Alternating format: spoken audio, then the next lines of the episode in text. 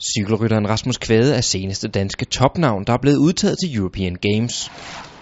Jeg tror, det bliver rigtig stort og spændende. Han forventer en helt speciel begivenhed, der kommer til at minde lidt om OL, og det passer ham rigtig godt. Nu har jeg kun prøvet OL i London, men det er noget andet, når man er en del af, den, af det danske landshold, øh, hvor at det er alle atleterne sammen.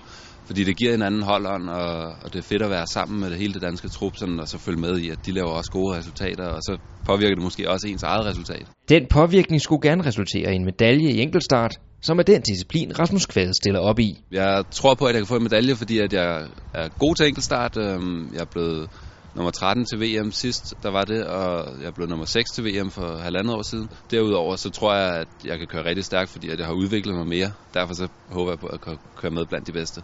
Temporytteren vil gerne øverst på podiet, men om det lykkes, afhænger dog af, hvem der ellers stiller op.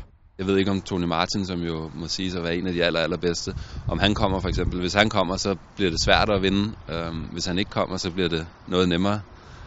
Så, så lidt afhængig af, om, om sådan en som ham kommer, så, så kan det faktisk godt lade sig gøre, det håber jeg egentlig også lidt på.